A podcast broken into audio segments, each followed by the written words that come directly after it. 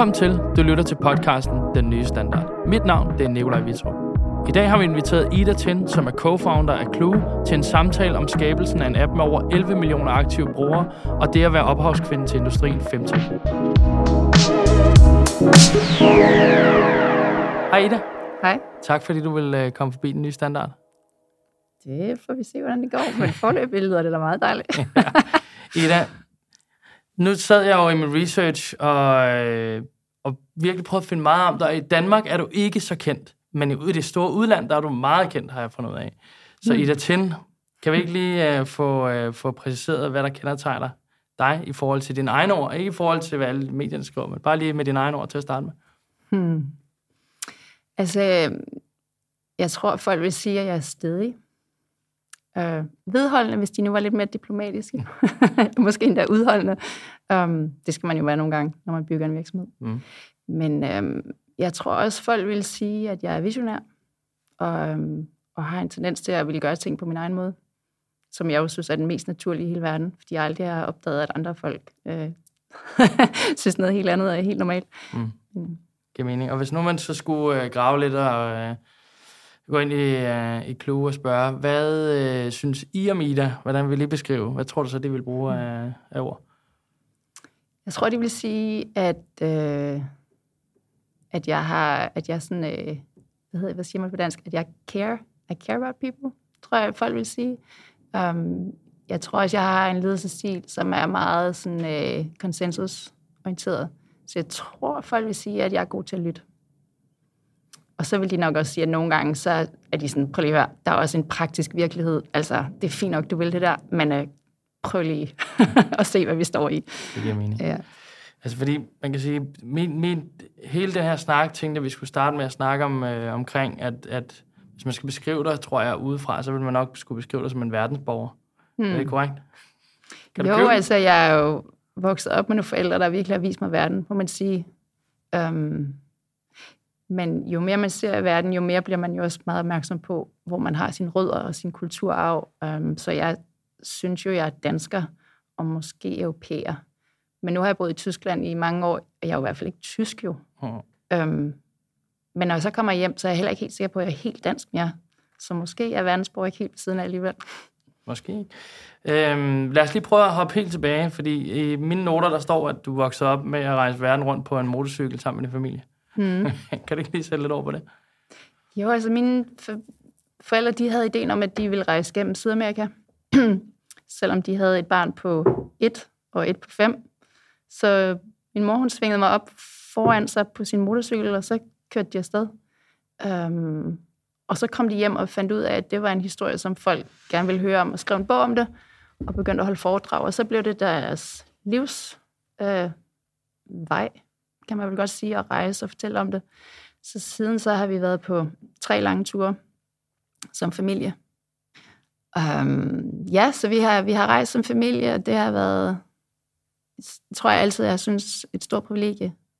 Også som barn, altså opleve det der med både at være sammen med mine forældre og min storebror hele tiden. Min storebror, som var min bedste ven. Uh, men også det at få lov at se verden. Og komme hjem en lille smule gammel klog også, tror jeg. Hvordan øh, tror du, tror du skal vi, kan, kan vi kalde det et nomadeliv? Nej, fordi at nomader, de har ikke noget sted, hvor de altid kommer hjem til, som er hjem. Og det havde vi, altså Danmark var hjemme. Og vi flyttede en del rundt i Danmark, men da jeg var 11, der købte mine forældre en byggegrund på Djursland, hvor de byggede et skørt og sjovt, dejligt hus, lavet af sekskanter. Øhm, og det har så ligesom været barndomshjemmet, og, og der, hvor jeg stadig tager hen med mine egne børn, når jeg sådan lige skal have en uge et eller andet sted. så altså det, fordi et rent forseret spørgsmål, det er jo altid forseret, når man skal prøve at høre et eller andet af barndommen, men sådan rent og skært, fordi du har oplevet rigtig mange kulturer, og du har oplevet rigtig meget som, som barnsben. Nu er du så rejst ud og har virksomhed fra Berlin af. At, at, at, tror du, der har været nogen fordel i dig fra at komme så tidligt i gang, eller tror du, det er en, en, hvad skal man sige, en grund til, at du rejste ud, var fordi du var meget ude, så du havde ligesom længsel for at komme tilbage ud? Eller hvor er... Altså, jeg tror jeg helt sikkert, at jeg blev bit af den der travel bug som barn. Jeg har rejst en hel masse selv også siden og boet mange steder. Um, men det tror jeg, man gør, når man er tryg hjemme. Jeg kunne se, at min bror, som er fire år ældre, han havde mere behov for at være hjemme og, og sætte nogle rødder. efter det der rejseliv. Men jeg havde jo ham, øh, så, så jeg var altid hjemme. Øh, jeg tror, at det har givet mig en... Øh, det, det har gjort mig opmærksom på, hvor mange steder der er, man kan være. Men faktisk så havde jeg rejst rundt to år alene på motorcykel i USA, i ørkendelene af USA. Um, øhm, og, og var blevet helt afhængig af det, tror jeg. Um, så på et tidspunkt besluttede jeg mig for, at nu skulle jeg hjem, for jeg gad ikke at være en af de der rejsende, man møder, som ikke kan tage hjem, som har rejst ved det ene og ti efter det andet. Mm. Um, så der, der skulle jeg hjem og, og, og øve mig i at, at ikke være en nomade, faktisk. og så mødte jeg en mand i Tyskland, og ind i Tyskland, og det gad jeg egentlig slet ikke. Jeg gad, nu, var jeg ligesom, nu havde jeg lige fået den der lille lejlighed på Nørrebro og sådan noget. Men så kalde verden igen på en eller anden måde. Check. Lad os hoppe over i din virksomhed, fordi dem, der ikke kender dig, der øh, vil jeg sige, de fleste kvinder, øh, jeg har snakket med den sidste måneds tid, hvor jeg så har skulle prøve at forberede mig nogenlunde til, hvad, hvad du laver. Fordi jeg er jo ikke lige målgruppen trods alt til den app, du har, øh, har lavet. Men du har fundet på en app, der hedder Clue, som er verdens hurtigste voksende menstruation- og fertilitetstracking-app. Hvad kalder du den egentlig selv? Hvad, skal, hvad, hvad, hvad er den rigtige Altså, for det første vil jeg sige, at jeg har jo næsten ikke snakket om arbejde på dansk i mange år, så jeg vil sige, it's, it's an app for women's health. Okay. det er en app for kvinders sundhed. Fantastisk. Og, og i 2012, der stiftede du Clue, og i dag der har I øh, over 11 millioner aktive brugere i 190 lande. Er det korrekt tal? Hvis jeg skal være helt ærlig, ved jeg det ikke. Måske det er 12, og måske det er blevet 10, jeg ved det faktisk ikke helt. Men det er i hvert fald sådan cirka deromkring. Det er i hvert fald et par stykker. Ja, det, det er Danmark gang halvanden eller to, alt efter hvordan man lige regner efter. Det er godt gået. ja, men øh, vi har jo alle sammen menstruation, han har sagt. I ja. hvert fald halvdelen af os. ja, præcis. Altså, det er derfor, jeg ikke er, er så god mm. til at være målgruppe lige der. Der, mm. der. der passer jeg ikke så meget ind. Men kan vi ikke prøve at snakke lidt ind i uh, selve opstarten af Clue, og hvordan, hvordan den startede, og hvordan ideen måske kom? Det startede med, at jeg havde sådan et spørgsmål i mit hoved, som var, hvorfor har der ikke været nogen opfindelser inden for prævention, siden p-pillen kom ud i slutningen af 50'erne. Det er jo ligesom virkelig længe siden mm. i teknologiens historie. Vi har rejst til månen siden og opfundet internettet og nanoteknologi og alt muligt andet. Og der var også sådan en vis provokation inden i mig, kunne jeg mærke sådan, altså virkelig? Det er trods alt et rimelig fundamentalt, fundamentalt ting, det der med at styre, hvor mange børn vi får på planeten. Mm. Um, så jeg begyndte at research, og jeg tænkte, Måske er der et eller andet teknologi, som nogen har opfundet, som ikke er blevet til et produkt endnu, eller måske noget, jeg kan kombinere. Så jeg begynder at kigge ind i sådan nogle patentdatabaser, baser. Kan man sige det i flertal? Mm-hmm. Um, og det handlede alt sammen om at putte hormoner ind i kroppen, mest kvindekroppen. Og jeg tænkte, det er jo et eller andet sted vanvittigt. Man kan kun blive gravid seks dage per cyklus. Og hvis man nu bare vidste, hvilke seks det var, så kunne man jo bruge et kondom de dage, og så behøvede man ikke at bekymre sig resten af tiden. Så det startede med en idé om at lave et stykke hardware, som skulle være en lille dims, man kunne spytte på, og så i løbet af en, ingen tid, 15 sekunder, så ville ens telefon fortælle en, om det var en dag, man kunne blive gravid. Og så tænkte jeg, det skulle sgu da en skide god idé. det må der da være nogle store diagnostics firmaer, der er ved at bygge. Så jeg må hellere skynde mig, tænkte jeg. Og så drønede jeg ud på øh, DTU's øh, investorarm, jeg aner ikke, hvad jeg har sagt. Seriøst, jeg havde ingenting. Jeg havde en idé. Jeg havde en løs idé. og så begyndte jeg at ævle om min idé. Og det var sådan, det startede. Altså det startede med, at jeg havde en post-it note, hvor jeg skrev Ida Vision Holder, og så satte jeg den op på min væg. Og så derefter så begyndte jeg sådan at samle et fiktivt team af alle de mennesker, jeg nogensinde havde mødt. Alle de mennesker, jeg havde et visitkort på. Så satte jeg dem sådan op. Ah, lidt mediefolk herovre, måske en advokat der, og sådan lidt altså ren fiktion, men sådan en forestilling om, hvem kunne måske hjælpe mig sådan et lille skridt videre i en eller anden retning. Um, jeg tror ikke, der var et eneste af de mennesker, som nogensinde blev involveret på nogen som helst plan, andet end mig selv. jeg havde ligesom sat startopstilling. Ja, så sådan startede det. Fantastisk. I min lille toværelseslejlighed på Nørrebro. Og jeg havde, det, det ved jeg ikke om, men jeg havde virkelig ingen penge. Altså, jeg havde rejst rundt i to år, jeg har haft motorcykelrejsefirma med min far, som også var fantastisk. Jeg, det var virkelig sjovt at have i fem år, men altså, jeg havde ikke noget på kistebunden. Um, så sådan startede det. Og hvor er I henne i dag? på kistebunden? Nej, ikke på kistebunden, men bare virksomhedsmæssigt.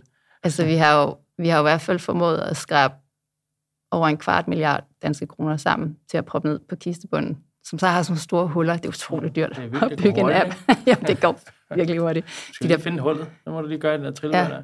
Ja, Jamen, altså vi prøver. Jeg vil sige, hullerne bliver også mindre. Eller også, at, nej, det ved jeg egentlig ikke, om vi gør, men flowet ind bliver nok større.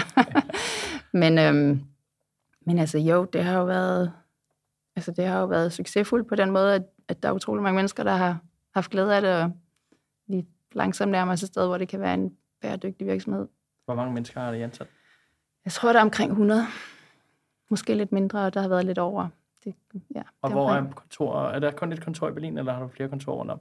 Vi har bare et kontor. Vi har altid... Altså jeg vil sige, vi har knap nok et kontor nu. Fordi vi havde filosofien, at vi ville gerne have alle folk på et sted. Ikke sådan noget på tværs af tidszoner. Men så kom corona, og så pludselig, altså det var virkelig... Det var sådan tirsdag eftermiddag, og så onsdag morgen. Der var ikke nogen i kontoret. Altså, vi tog beslutningen tirsdag eftermiddag, og så næste morgen, så var det ligesom puff. Og de er ikke rigtig kommet tilbage nu, synes jeg. Det er sådan lidt, måske lidt ledelsesspørgsmål, jeg går og snakker med cheferne om. Men, øh, men i hvert fald, så betød det, at rigtig mange også begyndte at blive ansat helt fully remote fra alle mulige steder. Så nu har vi folk alle mulige steder i verden, men de har bare ikke noget kontor. Og hvordan, hvordan fungerer det for jer? Jamen altså, til siden fungerer det rigtig godt. Altså, vi tror aldrig, vi har været mere produktive. Og, mm, jeg tror, det er lidt svært at se udefra, men jeg vil sige, at vi har bygget noget virkelig tæt ved kultur op i den virksomhed. Det vil jeg påstå. Altså, folk arbejder i klub, fordi de virkelig har øh, et forhold til det, vi bygger. Altså, de, de hvad hedder sådan noget, de, øh, de vil virkelig være en del af klub. Så jeg tror, vi har haft meget at trække på i sådan en remote setup. Og jeg kan godt være lidt i tvivl, om vi sådan bruger lidt af noget kapital, som ikke helt bliver bygget op igen. Det har jeg lidt svært ved at vurdere. Men, øhm, men altså vores, alle de der ting, man kan måle på, med hvor tilfredse folk er, retention og sådan noget, de, det er et fint tal. Men jeg har bare været meget sådan noget med, lad os sidde i røden kreds og danse sammen og øh, røre ved hinanden nærmest. Ja. Altså virkelig sådan noget, hvor kroppen er vigtig i forhold til, hvordan man faktisk arbejder sammen. Så det er sådan lidt, øh, jeg vil sige, lidt uafklaret spørgsmål i mit eget system, hvordan man lige bliver ved med at bygge sådan en kultur, når man er helt remote. Spændende. Mm. Så det er work in progress. Ja, altså bortset fra, at jeg tror ikke, det er sådan et helt vildt top prioritet for dem, der er ledere nu, så det er ikke så meget work in progress, men jeg tænker, og det er sådan mere globalt, at jeg tror, vi kommer til at se en eller anden form for øh, sådan revival af kontoret. Måske ikke fem dage om ugen. Altså nu arbejder folk i klub alligevel kun fire dage om ugen til fuld løn. Okay. men, øhm, men et eller andet med, hvor folk begynder sådan alligevel gerne at ville... Det er meget komfortabelt at sidde derhjemme, og de fleste mennesker, sikkert mig selv inklusive, er en lille smule sådan øh, social angste, tror jeg. Altså, sådan tror jeg, vi lidt er som mennesker. Det er meget få, der bare synes, det er sådan super dejligt at træde ind i en bygning med andre mennesker. Men vi har brug for det, og over tid, så kan vi godt lide det. Men hvis man har valget ved at putte sig derhjemme hver dag, så tror jeg, der er mange, der vælger det. Men jeg tror, det er en lederopgave at få folk til at komme og være nogle kroppe sammen i et rum. Øhm, så det er ikke helt work in progress, men jeg tror, det kommer, og jeg tror, det er en global ting, at vi bliver nødt til at lære det, hvordan vi egentlig gør det, den der hybrid. Det er mit indtryk. Nu springer jeg lige øh, et andet sted hen, fordi jeg, jeg tror måske, jeg kommer tilbage til det i ledelse. Måske gør jeg ikke. Det, det kan jeg ikke helt gennemskue nu, for jeg har rigtig, rigtig mange ting, jeg skal have afklaret med dig, før vi snakker ledelse. Især når det snakker om øh, coronaledelse, fordi det, øh, det er trods alt et andet sted i dag. Missionen med Clue. Kan du ikke prøve at præcisere den, hvad, hvad den er i dag? Altså helt grundlæggende, så tænker jeg, at hvis kvinder ikke kan være, hvad skal man sige, tilpas i deres krop, hvordan skal man så være tilpas i en lederstilling, eller i noget som helst andet i virkeligheden, i sine relationer. Så jeg tænker, det er meget fundamentalt, at kvinder får en, øhm, hvad skal man sige, et afklappet, afslappet og godt forhold til den rimelig fantastiske biologi, vi har, der kan skabe mennesker. som er en eller anden virkelig bizarre årsag, jeg ikke helt har gennemskuddet, er blevet sådan noget tabubelagt og lidt pinligt. Øhm, både i Danmark, men bestemt også globalt. Så hvis man nu kunne forestille sig en verden, hvor folk er oplyste, forstår deres biologi, kan sige, hvad de har brug for, øh, få noget sundheds, hvad hedder sådan noget, opmærksomhed, sådan øh, lægeopmærksomhed, der, der er det, der skal til. Altså, eller de kan få det, de har brug for fra det sådan etablerede lægesystem. Så tænker jeg, at vi har en verden, hvor vi øh, giver kvinder en stærkere stemme, som jeg tror, vores verden har brug for. Vi får lidt mere balance i sagerne. Jeg har øh, i researchen her, da vi startede, der fandt jeg i øh, følge Forbes, der er du så ophavskvinde bag en industri, som vurderes til at have en værdi på en trilliard dollars. Mm. Det er jo så 6, et eller andet trilliard. Det er rimelig mange penge, der er efterhånden øh, mm. den industri. Den hedder Femtech. Hvordan delen er det begreb opstået, og hvor Søren at du kom ind som ophavsholder for så gigantisk en industri? Mm. De krop, vi har, der kan skabe de her mennesker, det er sådan rimelig dyr i drift, faktisk. Øh, sundhedsvæsenet bruger rigtig mange penge på fødsler og graviditeter og alt det andet, der følger med vores biologi. Um, så der bliver brugt mange penge, simpelthen. Men derudover, så er der også en hel masse behov, der ikke bliver opfyldt, hvor kvinder går rundt med alle mulige lidelser og trængsler, som der ikke bliver taget ordentligt hånd om. Øhm, og når teknologi begynder at løse nogle af de problemer, som rigtig mange kvinder har, så vil de gerne bruge penge på det, fordi at deres livskvalitet er alvorligt påvirket af nogle af de her ting. Øhm, det kan være alt fra endometriosis, eller PCOS, eller andre sådan, øh, mere seriøse lidelser, men det kan også være folk, der har problemer med deres fertilitet, eller det kan være uønskede graviditeter, det kan være menstruationer, der gør sindssygt ondt, og alt muligt andet, der foregår. Øhm, så der er, alle har en historie, altså simpelthen meget aktivitet, det er et stort felt. Mm. Um, så derfor er der penge i det. Og grunden til, at jeg kom på ideen om at give det et navn, var fordi, øh, jeg kunne se, at der foregik rigtig meget innovation, og der blev bygget ting, og der blev lavet ting, som føltes som nabo, naboer til det, vi lavede. Um, og jeg prøvede at se, hvordan folk beskrev deres produkter, deres virksomheder, og sproget var ligesom mm til øst og vest, eller hvad det hedder på godt dansk. Øhm, og så tænkte jeg, at jeg er blevet inviteret til at tale på et panel på en tech-konference i San Francisco, der hed TechCrunch Disrupt. Og de havde lavet deres første panel nogensinde om kvinders sundhed. Det jeg var i 2016. Så jeg var ved at research, hvad de andre panelister byggede og hvad de lavede. Og kiggede på deres hjemmesider, og det her sprog var over det hele. Men jeg tænkte, hvis vi nu kunne, hvis vi nu kunne være, se os selv og være præsenteret som sådan en flok, der lavede noget. Altså jeg tænkte, der, der er noget kraft i at være en kategori i tech. Um, og det handlede selvfølgelig om, at det, at der er så meget tabu, og det er så svært at snakke om de her ting, som folk byggede. Og jeg tænkte, hvis man nu også kunne gøre det lidt lettere for investorer at sige, vi har investeret ind i den her kategori, um, at det vil fremme noget, noget aktivitet.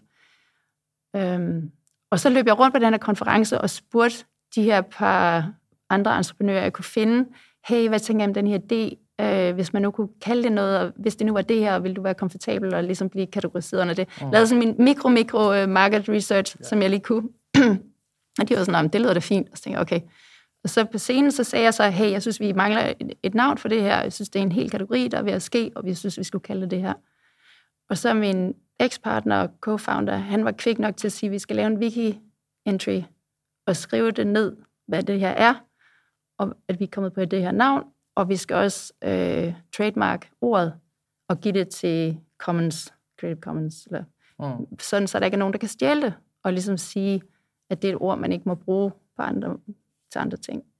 Så det gjorde vi, og det er derfor, at folk øh, kan se, at det var mig, der kom på det, og, men jeg må virkelig igen, jeg må give noget credit til min ekspartner, som faktisk ligesom skrev det ned, og det var det, der gjorde forskellen jo. Mm. Vildt nok. Og hvordan har, hvis du skal tage betydningen af, hvad det har gjort, at man har fået kategoriseret, kan du så prøve for en eller anden måde i samfundslys, hvordan, hvordan har det gjort en forskel, at der findes noget her femtech i dag? Altså en af de gode ting ved at have et navn, det er, at folk finder hinanden. Jeg tror på alle kontinenter, måske i alle lande, er der en eller anden øh, entusiastisk person, som er med til at bygge et økosystem omkring folk, der bygger ting inden for kvinders sundhed. Og jeg kan se, at folk har utrolig meget glæde af at, at finde hinanden, øh, identificere sig også, og en eller anden form for sådan, øh, psykologisk støtte i at bygge ud i et felt, som mange synes er svært at snakke om. Øhm, men det har helt klart også givet noget opmærksomhed, hvor medierne kan genkende, at teknologi har fejlet kvinders behov på mange leder kanter i forhold til deres sundhed. Det er jo ikke, fordi vi ikke kan bruge øh, ride-sharing apps og øh, food delivery apps og alle de andre tusind millioner apps, som vi alle sammen bruger. Men det er, fordi der er en stor del af vores liv, som har været usynlig for tech-verdenen, og som er en meget seriøs og vigtig del af vores liv. Øhm, og det er vigtigt, at der bliver mere opmærksomhed på det, fordi at mange af dem, der giver penge, er stadig mænd. Og som du siger, jeg er ikke i målgruppen, og hvis man hver gang man sidder og præsenterer for dem, der har penge og magten, siger, det her er noget, som jeg oplever i mit liv, det er vigtigt, og så siger de, jamen jeg kan ikke genkende det, og kan ikke rigtig finde begejstring, så flyder der ingen penge ind. Men når man ligesom, som du siger, ikke, oh, det er en kategori, og det her, der er sat et tal på, mm. altså sådan, så får du lidt mere vægt, og som sådan, okay, prøv lige at fortælle mig igen, hvorfor er det nu det vigtigt? Ja. nu skal jeg fortælle dig det en gang til. jeg prøver du bare med at tale den her gang. Jo, og sådan ja. har det altid været, når jeg har været ude at rejse penge, ikke? at man har prøvet at snakke ind i et eller andet felt, hvor vi har noget fælles reference. Vi snakker om data, vi snakker om datasikkerhed, privatliv, vi snakker om alle mulige ting, som er et felt, hvor vi er fælles. Jeg vil sige, alle de år, jeg har pitchet, jeg tror næsten aldrig, jeg har sagt menstruation en eneste gang. Altså simpelthen, jeg... Og det er også noget med at øhm, invitere folk ind på en måde, hvor man, hvor man ikke... Øh, altså man kan jo meget hurtigt ekskludere folk ved at sige, det, du forstår det ikke, eller det har du ikke prøvet, mm. eller det kender du ikke til, eller sådan. Men jeg har altid prøvet det modsatte, som at sige, nu prøv at høre, her er min verden, og hvor kan vi, hvor, hvad er din vej ind i min verden? Mm. Så ligesom prøv at skabe de der broer over til mændenes verden. Ja. Ja, fordi jeg, da jeg sad og skulle læse uh, Rundown igennem, så sad jeg også og tænkte, jeg kan vide, hvordan jeg skal sidde og snakke om menstruation og mm. facilitet osv. fra et synspunkt, som jo er mm. meget, meget vigtigt. Mm. Men udfordringen er bare, at jeg kan ikke styre det, jeg kan ikke uh, track det, jeg kan ikke, jeg kan være mm. behjælpelig, hvis man gerne spørger mm. mig om hjælp til det, men mm. igen, det bliver bare meget hurtigt noget, som man er ene og alene om, og så er det svært at dele, og det forstår jeg godt. Så jeg synes også, det var sindssygt vigtigt at komme ind og snakke i den her kategori og sige, at der er bare nogle ting i den her verden, som er ret spændende, og så synes jeg, det var sjovt, hvor få menneske, mennesker i Danmark, der kender dig med tanke mm. på, hvor stort mm. impact du egentlig reelt set gør i verden. Mm. Jeg vil også sige, altså når man, når man bygger teknologi, så har man jo brug for rigtig mange mennesker. Man har brug for user researcheren, der kan gå ud og stille spørgsmål og virkelig forstå, hvad brugeren har brug for. En af mine co-founders var en mand, der var ekstremt dygtig til det. Han var virkelig, virkelig god til at få folk til at beskrive, hvad de havde brug for, når de ikke selv vidste. Øhm, man har også brug for investorerne, man har brug for journalisterne, man har brug for advokaten, man har brug for dem, der laver lovgivning. Altså, der er jo masser og masser af mænd, der er involveret, når vi bygger teknologi for kvinder. Mm. Og de behøver måske ikke at forstå behovet indgående, men måske, og det er der rigtig mange, der har, behøver de sensibiliteten til at sige, når jeg er min kæreste, jeg kan godt se, der er noget, der foregår for hende, eller ja, altså, de fleste har jo en historie om en kvinde, de kender, hvor et eller andet har været svært. Mm. Øhm, eller nogen, der måske var med til at få en abort, der har gjort dem ked af det i overvis, eller en abort, de ikke fik, som de måske ville have Altså, på den måde er der jo sådan et menneskeligt element, øh, som vi kan dele, ud over alle de praktiske ting, hvor vi også har brug for mændene. Det giver mening. Så cool, jeg er blevet inviteret. tak fordi du vil komme. Mm-hmm. Øhm, I forhold til øh, præventionsdelen, så øh, læste jeg, at den er godkendt i USA på lige fod med en p-pille. Hvordan, øh, hvordan bliver man det? Fordi så, jeg tænker, FDA er en rimelig stor organisation, ja. og der er langt Det var også øh, en meget seriøs proces, vil jeg sige. Det er anden gang, jeg bruger det ord, men det er virkelig meget seriøst. Det er jo en proces, hvor man skal dokumentere, at det øh, claim, man laver, altså det, man siger, at et produkt kan, det svarer til det, produktet kan, og det skal man så dokumentere, at det kan. Og det, vi kan sige, det er, at øh, for en bestemt øh, del af brugerne, dem som er under, jeg tror det er 42 over 18, og som har en cyklus, der ikke er mere end 30, 35, jeg kan ikke huske tallene, men at man sætter nogle rammer og siger, for den her gruppe mennesker, der kan vi med så og så høj sikkerhed sige, om det er en dag, hvor de kan blive gravide. Og vi kunne gøre det med 92 procent nøjagtighed i typisk brug, og 97 procent i, hvis folk bruger det produktet perfekt. Og det er noget højere end kondomer, for eksempel. Og næsten lige så højt som p-piller. Og det er det, man, det er det, man bliver godkendt på. Øh, og for at man så kan blive det, så skal man også dokumentere, at man bygger alting på en måde, som man kan dokumentere er sikkert. Det vil sige, at hele organisationen skal være bygget op til at være øh, ja, en slags virksomhed, som kan det. Og der vil jeg sige, at vi blev sådan, vi gik fra at være sådan lidt småbarnsagtige til at være lidt sådan meget voksne, mm. øhm, på de to år, som vi brugte på at få den godkendelse. Og så er der selvfølgelig en hel masse videnskab og øh, clinical trials og alt muligt, der ligger til grund for, at man, det, man påstår, er videnskabeligt bevist. Hvad er den sværeste del i den proces, der var med FDA? Jeg tror, det sværeste var, at vi var et relativt lille team. Ingen af os havde prøvet det før. Og vi havde ikke uendelig tid, for vi kunne godt se, hvor pengene ligesom endte. Og vi vidste, at hvis ikke vi klarede at komme over den hurdle, så ville vi ikke kunne rejse penge igen. Så der var virkelig tidspres. Og de mennesker, som arbejdede i Klud, de havde jo aldrig nogensinde taget det arbejde for at lave uendelig meget kedeligt arbejde, der skulle til for at dokumentere alle det her. Vores processer skulle laves om. Altså det var virkelig sådan en heavy, heavy proces. Og få hele teamet med til at give det og arbejde sindssygt hårdt i flere år. Altså det var, jeg er, jeg er dybt taknemmelig og imponeret over, hvad folk de stod igennem. Det er virkelig. Og så er det, vil jeg også bare sige, normalt, så er det altså noget, som det måske kræver et team på 100 mennesker at gøre, og tager overvis. Altså, at vi overhovedet klarede det, mm. et eller andet sted fuldstændig vildt. Um, og det er, fordi det var et fantastisk team. Hvor meget impact har det gjort i forhold til efterfølgende, i forhold til at rejse penge, men også bare i forhold til den forståelse af, hvad Clue er i dag? Jamen, det, det, jeg vil sige, at vi er sådan midt, midt i historien.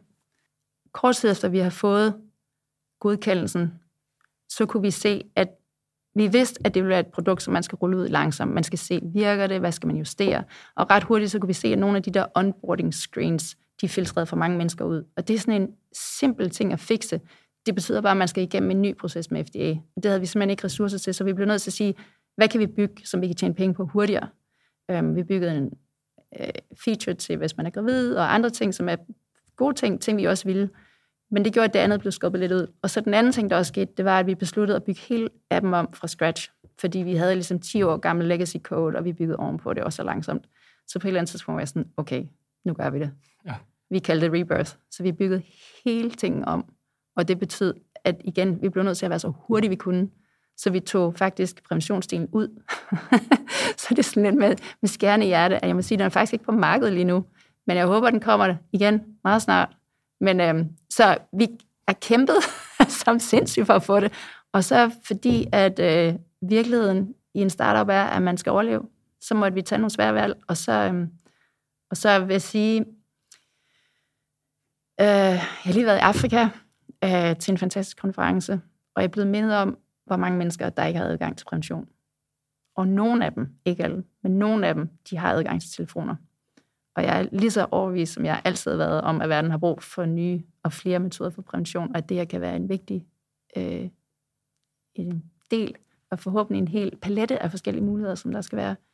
Øhm, jeg synes ikke, investorer har givet os særlig meget credit for at have det. Altså, det er lidt sjovt, fordi investorer, de kan være meget sådan consumer eller de kan være medical-agtige orienteret, og vi er begge dele, og det er lidt sådan en mærkelig fisk, og de kan faktisk godt blive lidt nervøse over, at man er sådan et regulated firma, fordi de ved godt, det er sådan lidt tungt, ikke?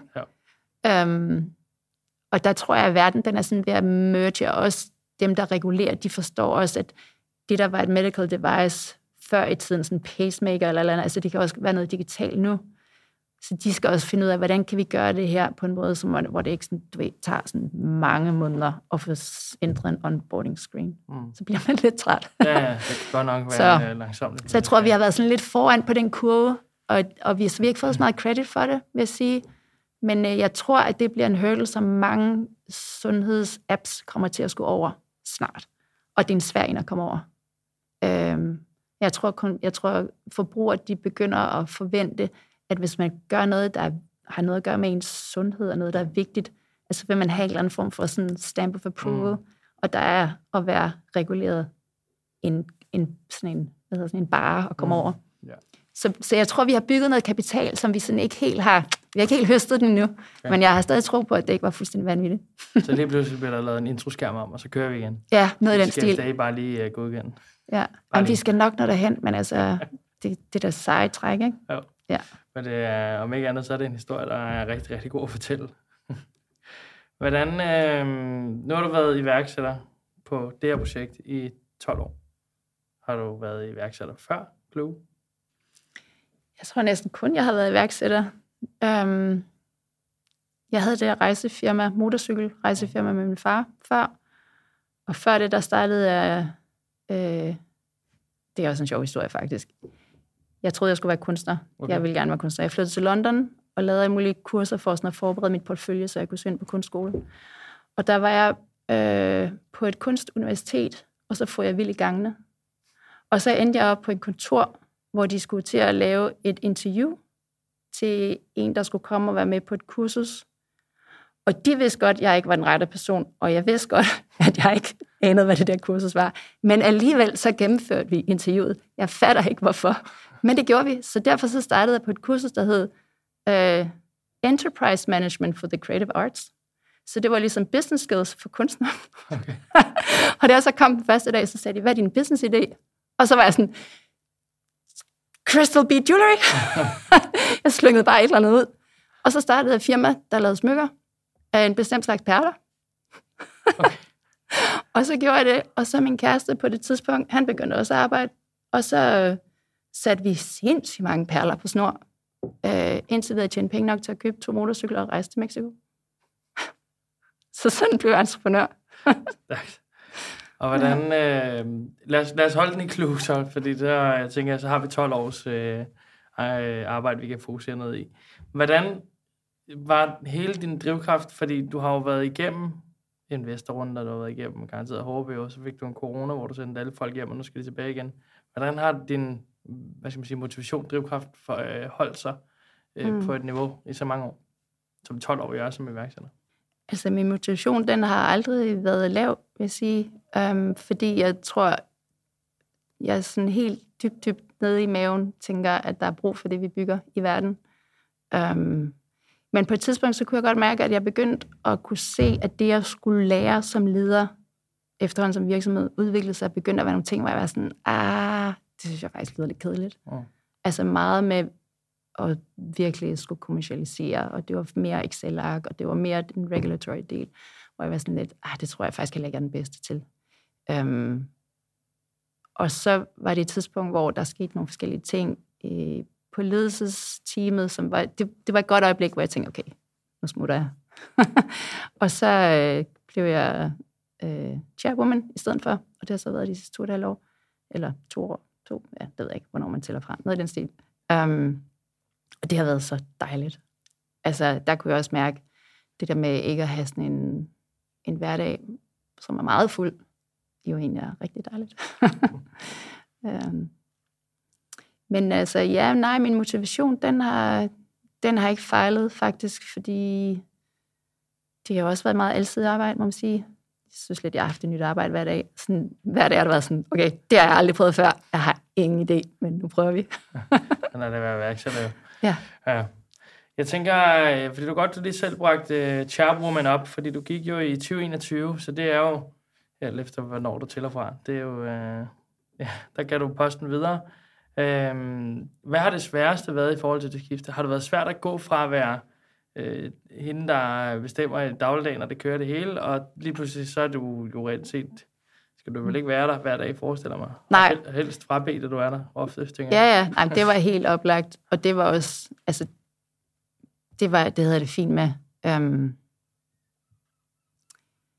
jeg tror, det sværeste har været det er noget, jeg først har opdaget nu efter nogle år, hvor jeg kan se, at man som grundlægger bringer et eller andet lidt usynligt med sig, som er måske det visionen, altså ideen om, hvorfor gør vi det her, og hvor, hvor skal det hen, og blive ved med at spørge, hvad er det, vi skal.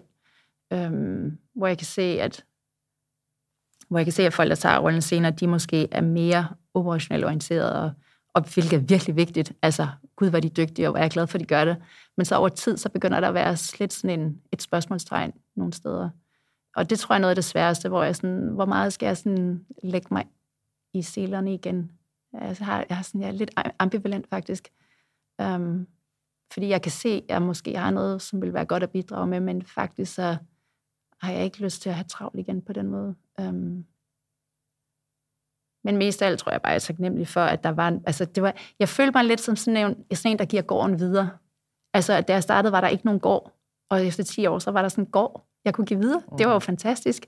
Altså sådan, wow, her, værsgo, et produkt og nogle brugere og alt muligt. Mm. Um, og så at der var nogen, som jeg stolede på, og som jeg tænkte, de kommer til at være mega seje og meget dygtigere end mig til en masse ting. Um, det føles som sådan en stor gave nærmest. Hvordan har øh, skiftet så påvirket dig som menneske? Har det været svært at gå fra den der intense hverdag til lidt mere, jeg vil ikke sige løs, for du tænker garanteret hele døgnet rundt stadig på det, men sådan, mm. hvordan, hvordan har skiftet været for dig for det? Mm. Altså selvfølgelig så kommer der sådan nogle øjeblik, hvor man er sådan, identiteten, hvad sker der? Og det, der faktisk skete, det var, at jeg bare besluttede mig selv til at sige nej til alting på ubestemt tid. Øhm, og det var skræmmende, fordi man tænker, okay, om et halvt år, så er hele verden glemt, at jeg eksisterer, og hvad skal der så ske med mig? Øhm, og så begyndte jeg at skrive en bog, øhm, som jeg arbejder på, som jeg håber kommer ud næste år, som også var sådan en slags at processere og fordøje de her 10 år eller mere. Øhm, men jeg vil sige, at jeg har ikke savnet et øjeblik alle de ting, jeg gjorde. Øh, nu begynder jeg sådan at kunne mærke det der med, at der er så meget kraft, når man fokuserer sin energi ind i et eller andet, som man så bygger. Ligesom. Det, det, den del savner jeg, tror jeg nu, hvor jeg har lyst til det der med, at, at det, man gør hver dag, det ligesom akkumulerer og bliver til noget. Øhm, men jeg, jeg har ikke... Øh, jeg ved ikke helt, hvad det skal være nu. Jeg tror, der er også mange ting i tech-verdenen, som jeg ikke har lyst til at have så tæt på igen. Altså, jeg synes fundamentalt set, at hele den måde, venturekapital virker på, er et virkelig sygt system, for at sige det lige ud. Ikke fordi folk ikke er søde bare det er de allerfleste, men sådan strukturelt er det et system, som er meget problematisk. Og jeg ved ikke, om altså, så skal man gøre det, som der er bootstrap. Um, det går bare lidt langsommere. Det går langt, og altså, jeg tror ikke, jeg kunne have bygget Clue ved at bootstrap det, fordi at der, er nogle, der var simpelthen nogle andre konkurrenter, som mm. rejste en masse penge. Og, altså sådan, så det er lidt, hvilket game man vil være i, og hvad er det for en livsstil, man vil have i dybest set. Og der tror jeg, at jeg kan mærke, at jeg, jeg gider ikke den der livsstil, som det er at have meget travlt. Men det er svært at bygge noget for meget travlt. Så, mm. Og så tror jeg også, at en af de ting, eller jeg tror ikke, det er helt klart en oplevelse, at, at når ens krop har kørt i sådan et tiende gear i mange år, altså det tager virkelig lang tid at få sin krop ned igen. Og nogle gange så vågner jeg om morgenen, og jeg føler mig helt sådan afslappet, og så er den første tanke også, bare mærke, så er der sådan nærmest en adrenalin rush i kroppen, og sådan impulsen til at stå ud af sengen og gøre noget.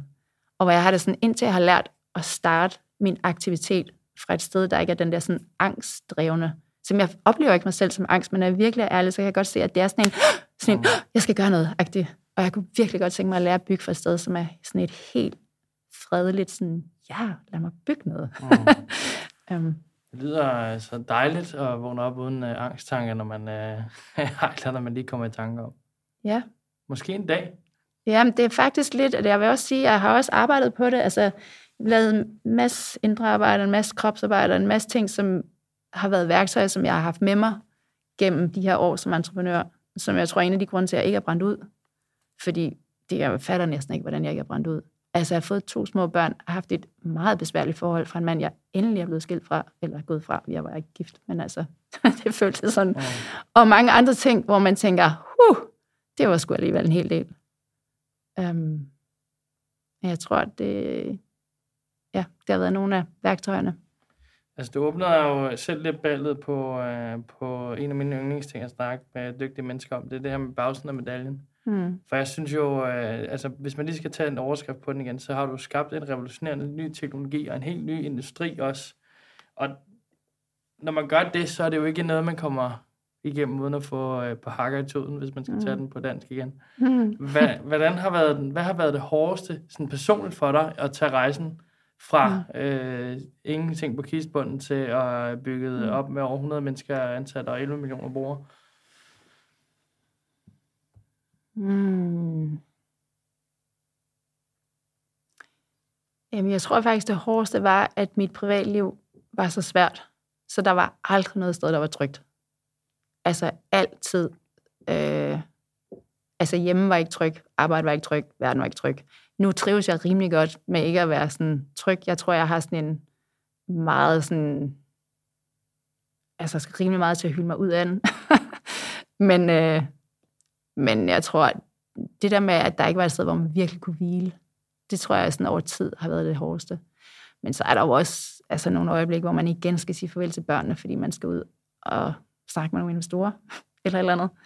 Øhm, det synes jeg har været svært. Og mine børn, som jeg ellers virkelig, jeg synes jo selv ikke i virkeligheden, at jeg har arbejdet så sindssygt. Altså, masser af folk i karrierejobs arbejder meget vildere, end jeg har gjort. Altså, jeg har hentet mine børn klokken 4 øh, alle årene. Det var mange, mange overvis, før vi fik nogen som helst form for nanny-support og sådan noget. Altså, så jeg, jeg synes, jeg har været der, men børnene, de siger alligevel sådan, du var jo altid væk.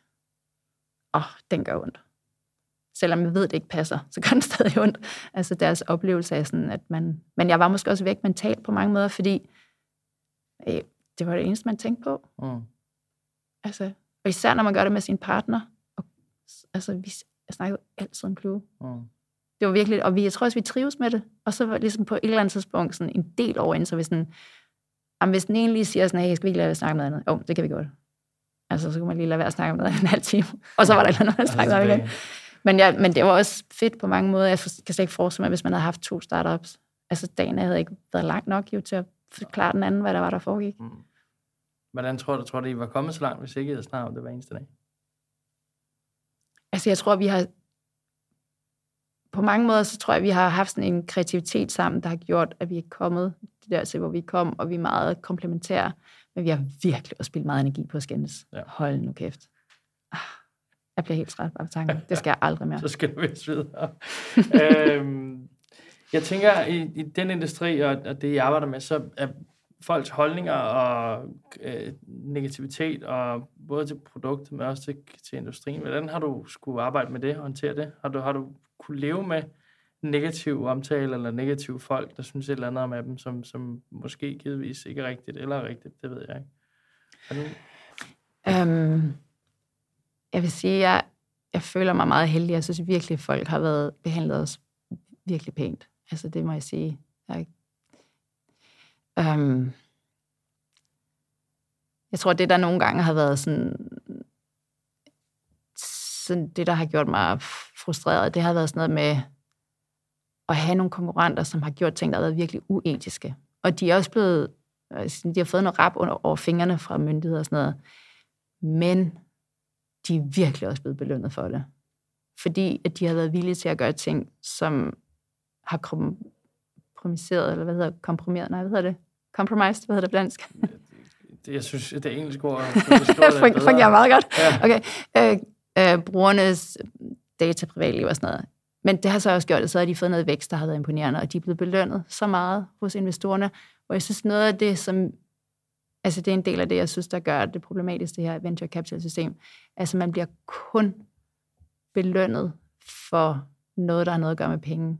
Alt, hvad der handler om, behandler man mennesker ordentligt, skaber man noget content, der er, øh, er mere moderne i forhold til kønsnormer, Øhm, tager man vare på brugernes privatliv? Alle de der ting, når det virkelig kommer i stykket, får ingenting for det.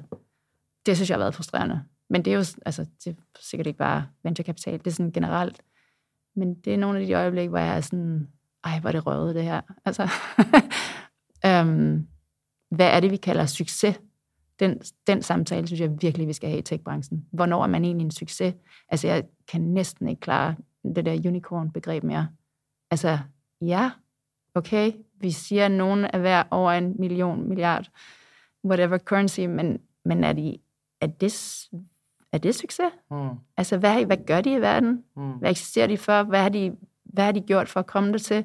Hvem er det, der siger, at noget er noget værd? Altså, jeg ved jo, hvordan sådan nogle valuations, de sådan finger yeah. op i vejret, og hvor puster vinden hen. Altså, hvor jeg synes, det bliver så bizart overfladisk, hvad man, hvad man betegner som succes.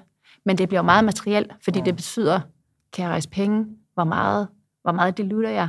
Hvor mange mennesker kan jeg ansat? Hvem bliver jeg nødt til at fyre? Altså, det bliver jo totalt konkret. Mm. Men det starter for et sted med noget, noget menneskelighed, der er bare sådan virkelig øh, u, ud, hvad hedder sådan noget, meget primitivt. Mm. Hvad er succes så for dig? Jamen, jeg synes virkelig, at man har et ekstremt stort ansvar, som en, der bygger teknologi for, hvad er det for en verden, vi skaber.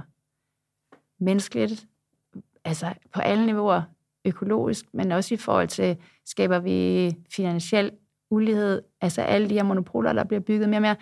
Det er det andet problem med venturekapital. Altså, man, man, det, man bringer som iværksætter, det er ens livsenergi. Og det, som nogen udtrækker, det er penge fra ens livsenergi. Altså, det er næsten lidt slaveagtigt. Altså, det er selvfølgelig en helt anden fasong, og selvfølgelig er det ikke lige så intens og hardcore, men det er det faktisk lidt alligevel.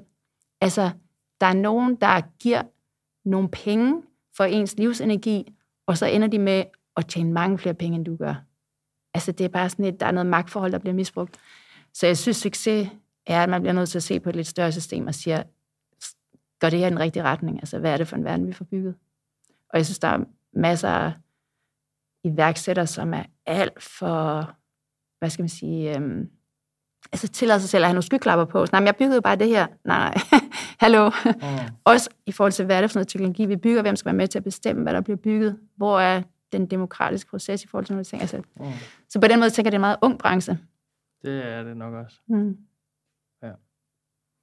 Hvis nu vi skal inden afrunding lige slutte af med noget fremtid for, øh, for både Kloge, men også dig selv.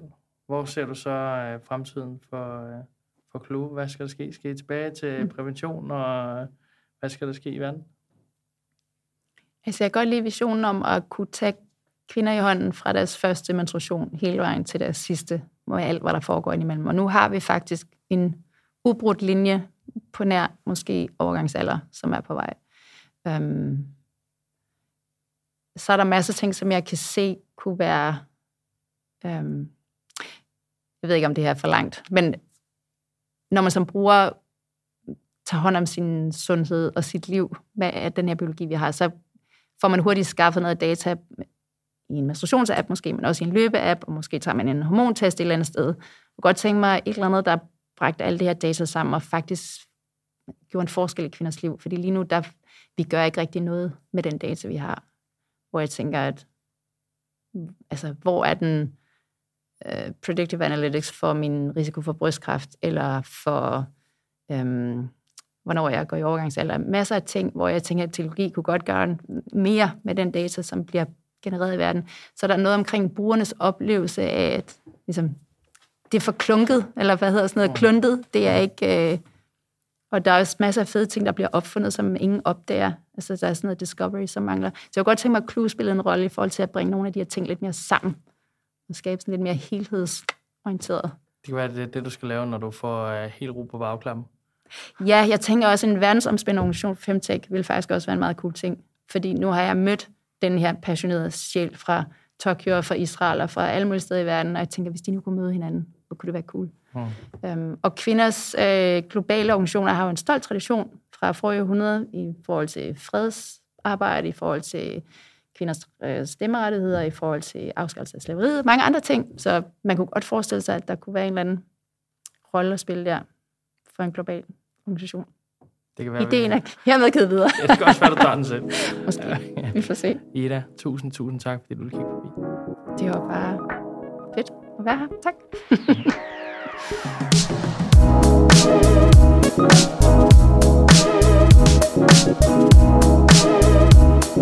Thank.